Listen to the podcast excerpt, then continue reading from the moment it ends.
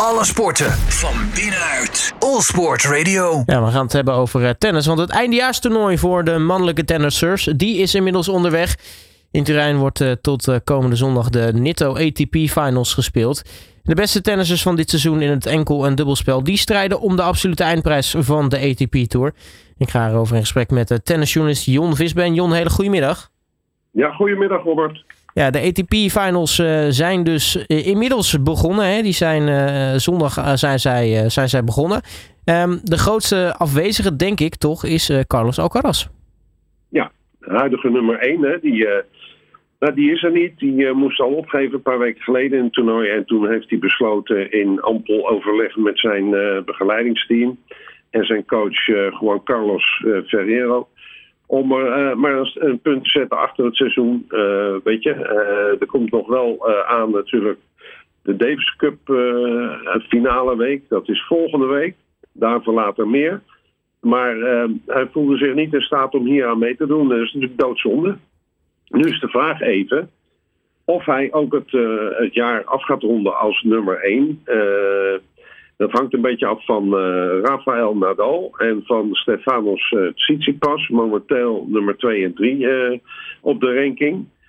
Um, de, die kunnen dat ook nog halen. Nou ja, we moeten maar zien hoe dat gaat. Nadal heeft in ieder geval wel een redelijk valse start gehad wat dat betreft. Ja, want nou ja, als je de beste acht tennissers uitnodigt en de nummer 1 kan niet, dan ga je uiteraard door met de nummer 9. Dat is de Amerikaan Taylor Fritz.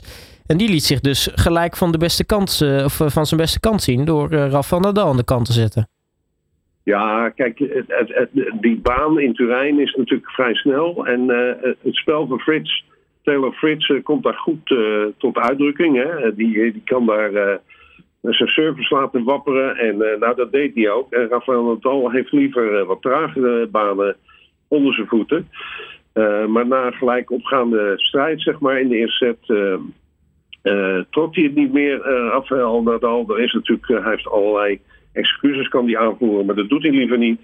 Hij, heeft, hij, hij worstelt natuurlijk voortdurend met blessures en, en hij een, een, scheurtje in, een, een, in zijn, bij zijn heup opgelopen, een spierscheurtje bij de US Open.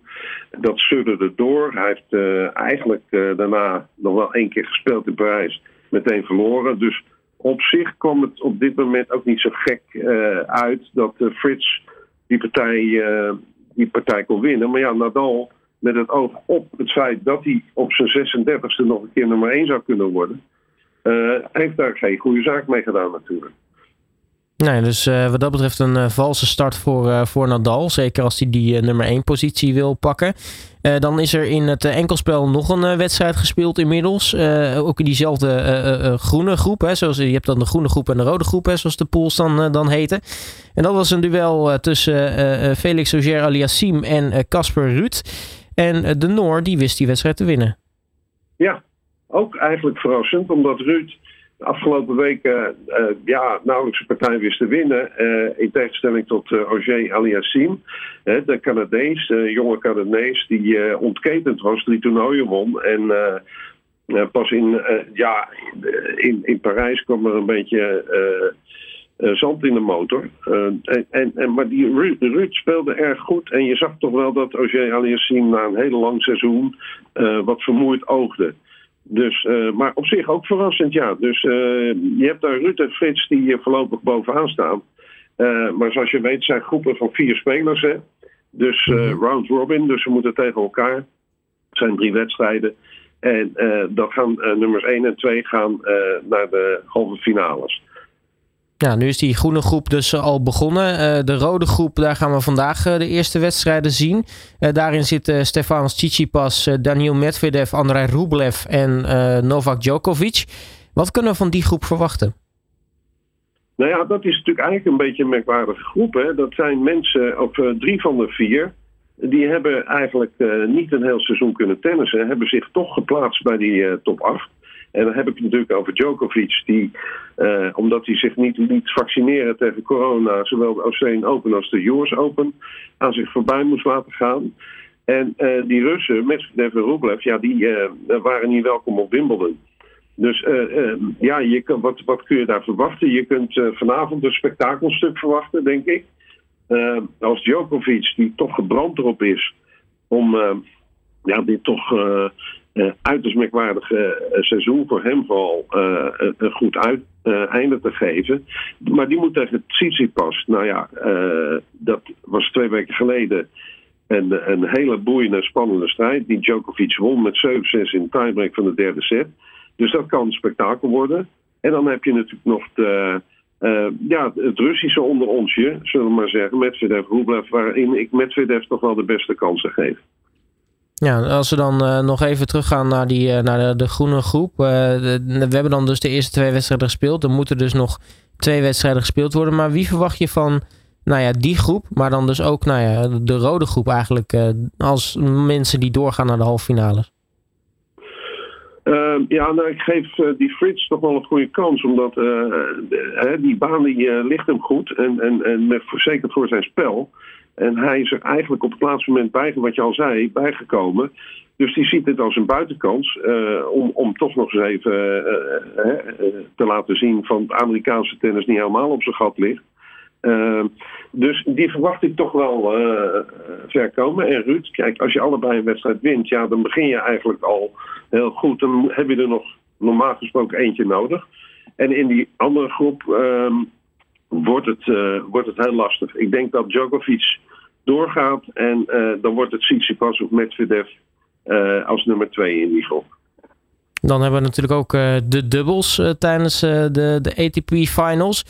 Twee Nederlanders die daar in actie komen. We hebben natuurlijk de nummer 1 van de wereld, Wesley Koolhof, samen met zijn Britse dubbelpartner Niels Kupski. En we hebben Jean-Julien Royer samen met Marcelo Arevalo. Um, en voor eigenlijk, ja, sowieso voor Royer een valse start aan het toernooi. Maar als ik nu even kijk naar de livescores, uh, Koolhof en Skupski moeten er toch ook even aantrekken. Ja, ja, het is natuurlijk fantastisch dat Wesley uh, een van zijn doelen heeft bereikt. Nummer 1 van de wereld nadat hij met Skupski Parijs won in het dubbel. Nou, dat is een van de doelen die hij wilde hebben. Het laatste doel wat hij heeft is, is een Grand Slam titel binnenslepen. Die heeft hij nog niet. Dit toernooi heeft hij wel al een keer gewonnen, twee jaar geleden.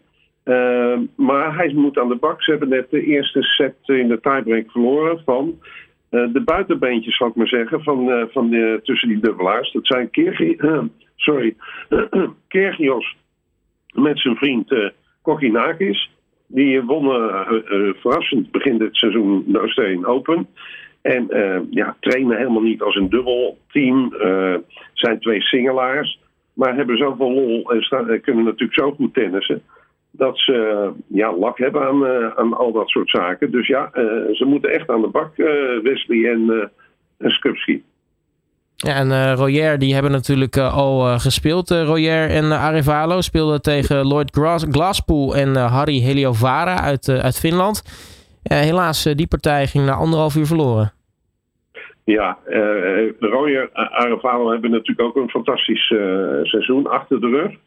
En moeten nu er toch de andere twee potten die ze nog spelen tegen Ram Salisbury.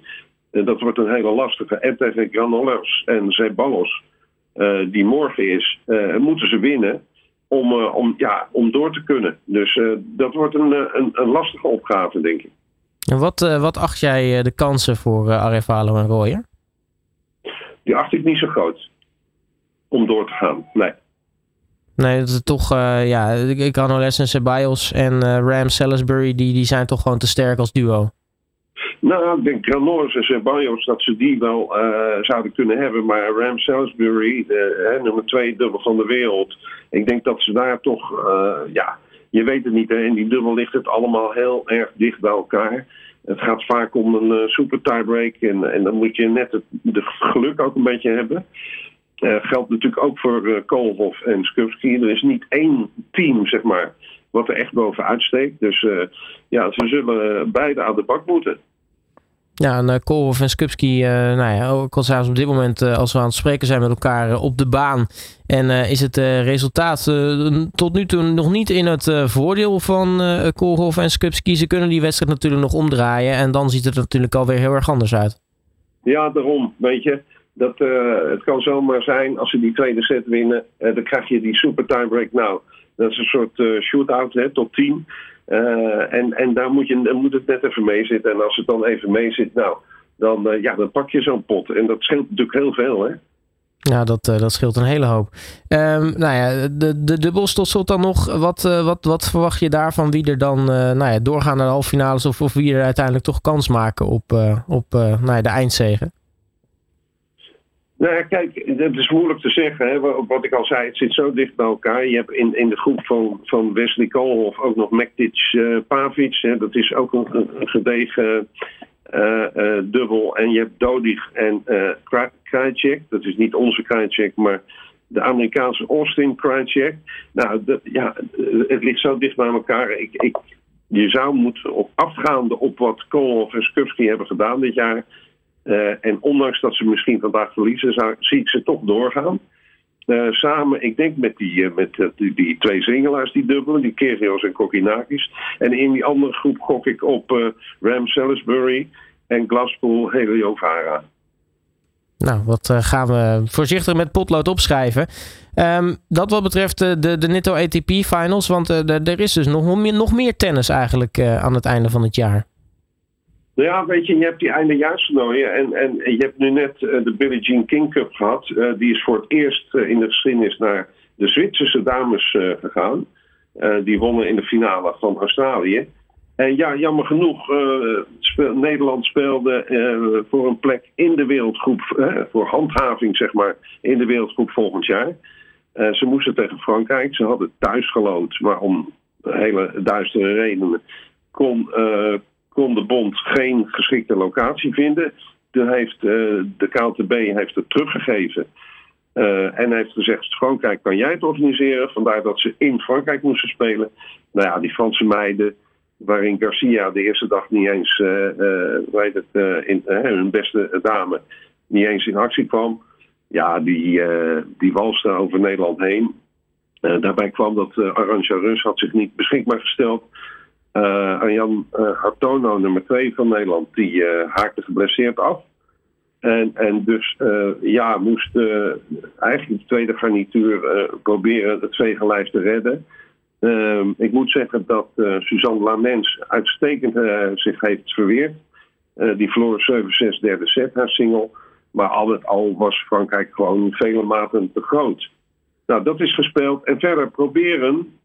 volgende week zijn de Davis Cup Finals met Nederland tegen Australië in Malaga.